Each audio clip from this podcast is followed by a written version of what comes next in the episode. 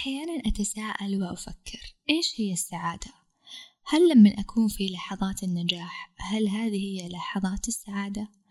أو لما أكون مجتمعة بين أهلي وأحبابي هل هذه لحظات سعادة؟ لما أحقق شيء أنتظره من زمان هل هذه هي لحظات السعادة؟ أهلا وسهلا فيكم في حلقة جديدة من بودكاست نفس. معكم سماح العثمان مدربة في السلام الداخلي ومدربة لتقنيات العلاج بمجال الفكرة. قبل ما أبدأ حلقة اليوم حابة أذكرك إذا يعجبك المحتوى اللي أقدمه اكتب لي تعليق وشاركني رأيك. وأيضا لا تنسى أن تضع تقييم خمس نجوم للبودكاست حتى تشجعني أني أستمر. اليوم في حلقتنا راح نتكلم بشكل مفصل وعميق عن السعادة. لذلك خذ نفس عميق وخلينا نبدأ. في حلقة اليوم راح نتكلم عن السعادة مفهومها وكيف نقدر نعيشها. وخليني أسألك سؤال إيش أكثر شيء يخليك سعيد؟ في ناس ممكن تجاوب لما أنجز كل أشغالي وفي ناس تقول لما أسافر. وفي ناس تقول لما أكون مع أطفالي. إذا مفهوم السعادة يختلف من شخص لآخر. ليش؟ لأن كل شخص عنده أفكاره ومعتقداته الخاصة فيه اللي نشأ عليها. ولكن حتى نصل لهذه السعادة اللي يختلف مفهومها عندنا يوجد مفاتيح أو طرق تسهلها أيا كان تعريف السعادة بالنسبة لك. اليوم في هذه الحلقة راح أشاركك أهم خمس مفاتيح للسعادة من وجهة نظري الشخصية اللي جربتها وحاولت ولا زلت أحاول أني أطبقها حتى أصل للسعادة اللي أنا أبغاها. طيب خلينا نشوف السعادة كيف تم تعريفها من منظور علمي. بحثت في هذا الموضوع وحابة أني أشارككم بعض الآراء اللي قرأتها. يدرس البروفيسور تال بن شهار من جامعة هارفارد السعادة ويؤكد لنا أن سر الحياة السعيدة هو قبولها كما هي وأن القيام بذلك سيحررك من الخوف من الفشل والتوقعات المثالية. جميل جدا. وسبق وتكلمت عن هذا الموضوع اللي هو موضوع القبول وأيضا عن موضوع التوقعات في الموسم الأول من هذا البودكاست. أنصحك ترجع لهذه الحلقات حتى تستفيد منها بشكل أفضل. تسعين بالمية من مشاكلنا في الحياة هي بسبب التوقعات العالية سواء على أنفسنا أو في علاقاتنا. أتوقع أن صديقي بيوقف معاي في هذه المشكلة بس ما وقف. وقيسوا على مثل هذه التوقعات أمثلة في حياتكم. كم مرة توقعت من شخص أنه يسوي لك شيء بطريقة معينة وتفاجأت أن توقعك غير صحيح؟ ومو بس كذا زعلت وضاق صدرك وأصبت بخيبة أمل.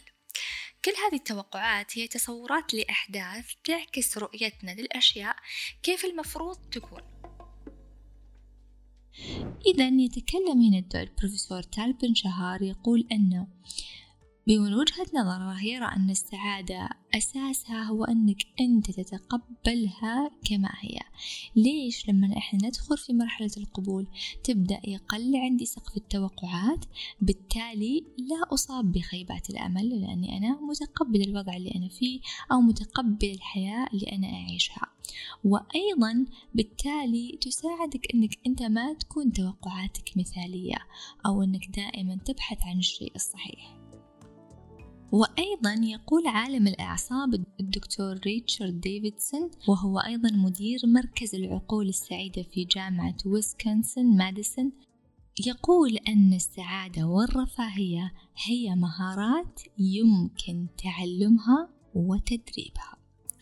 أنا دائما أؤمن وأقول أن الإنسان عنده قدرات جبارة بل عظيمة بس يحتاج تدريب. وأؤمن أن كل شيء بالتدريب يصير. فخلينا نبدأ ندرب أنفسنا أن إحنا نكون سعيدين. واسمحوا لي أشارككم بعض المفاتيح الأساسية اللي بتساعدك توصل لهذا الطريق من وجهة نظري. واحد اعرف نفسك أكثر. ممكن تستغرب شلون يعني أعرف نفسي؟ وإيش دخل أني أعرف نفسي بإني أكون سعيد؟ قلت لك أن الحلقة بسيطة بس عميقة. ركز معي السعادة هي شعور جميل تصل له لما تحقق أشياء أنت تريدها سواء كانت مادية أو معنوية طيب إيش الأشياء اللي أنا أبيها؟ كيف أعرفها؟ في إني أتعرف على نفسي أكثر عن طريق إني أكتشف قيمي وأولوياتي في الحياة وهذه رسالة لك إذا كنت تسمعني اليوم هل تعرف إيش هي قيمك وأولوياتك؟ لا؟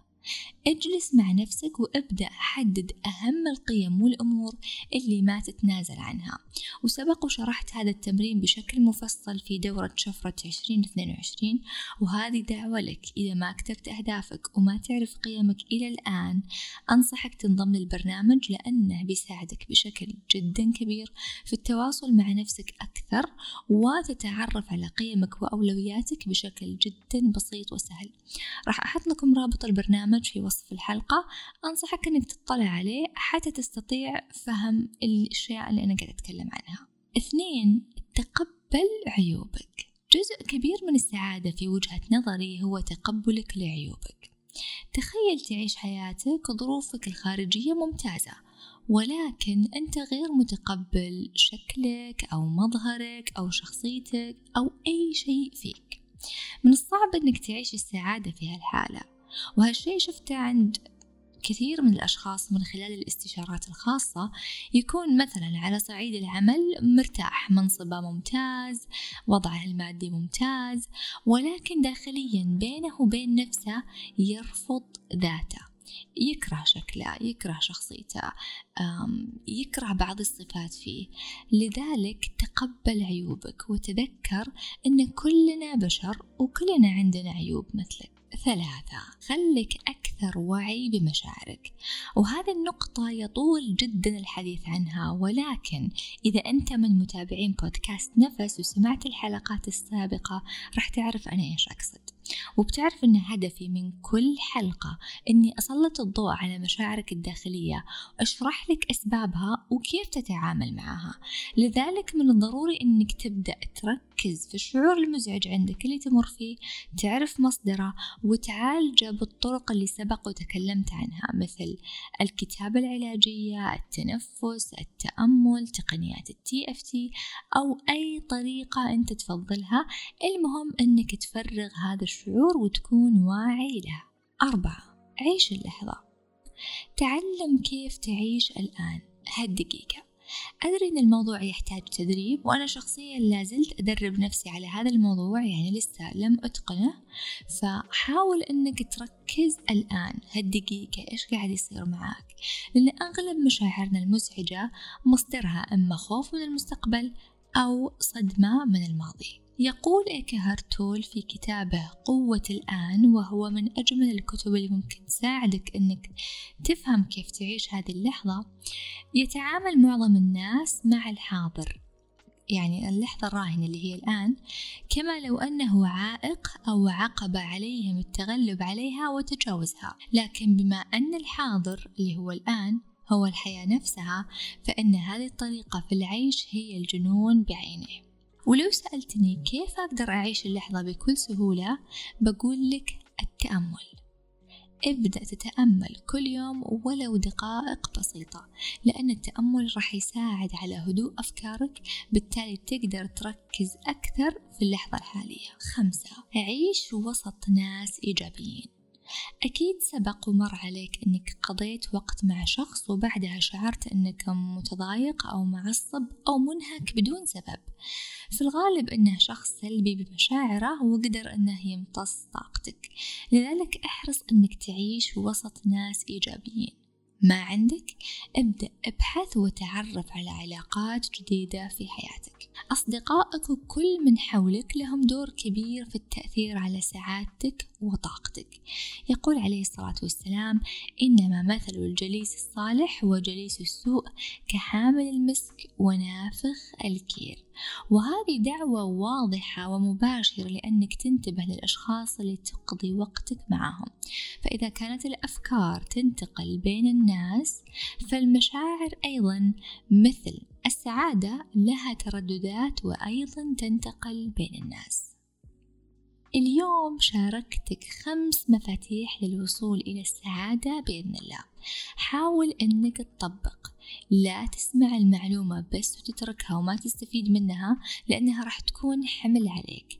لذلك حاول أنك تطبقها وتستفيد منها. على الأقل إذا مو الخمسة على الأقل ثلاثة أو ثنتين. المهم أنك تطبق اللي تسمعه. وإذا كنت ترى أو تعتقد أنه في مفتاح آخر ممكن يساعدنا نوصل للسعادة. من فضلك اكتب لي في التعليقات وشاركني رأيك لأن رأيك جدا يهمني. وفي الختام خلونا نتعلم أن نسأل الله سبحانه وتعالى يدلنا على أسهل الطرق للسعادة. وخلينا نسأله أنه يساعدنا أن تكون نظرتنا في الحياة أعمق وأننا نركز على النعم حتى نصل لمشاعر طيبة وتتبارك أيامنا وأننا نكون مصدر سعادة وراحة بال لأنفسنا وللآخرين. وأنا ألقاكم في الحلقة القادمة اللي عنوانها أسرار عقلية الأثرياء. في أمان الله.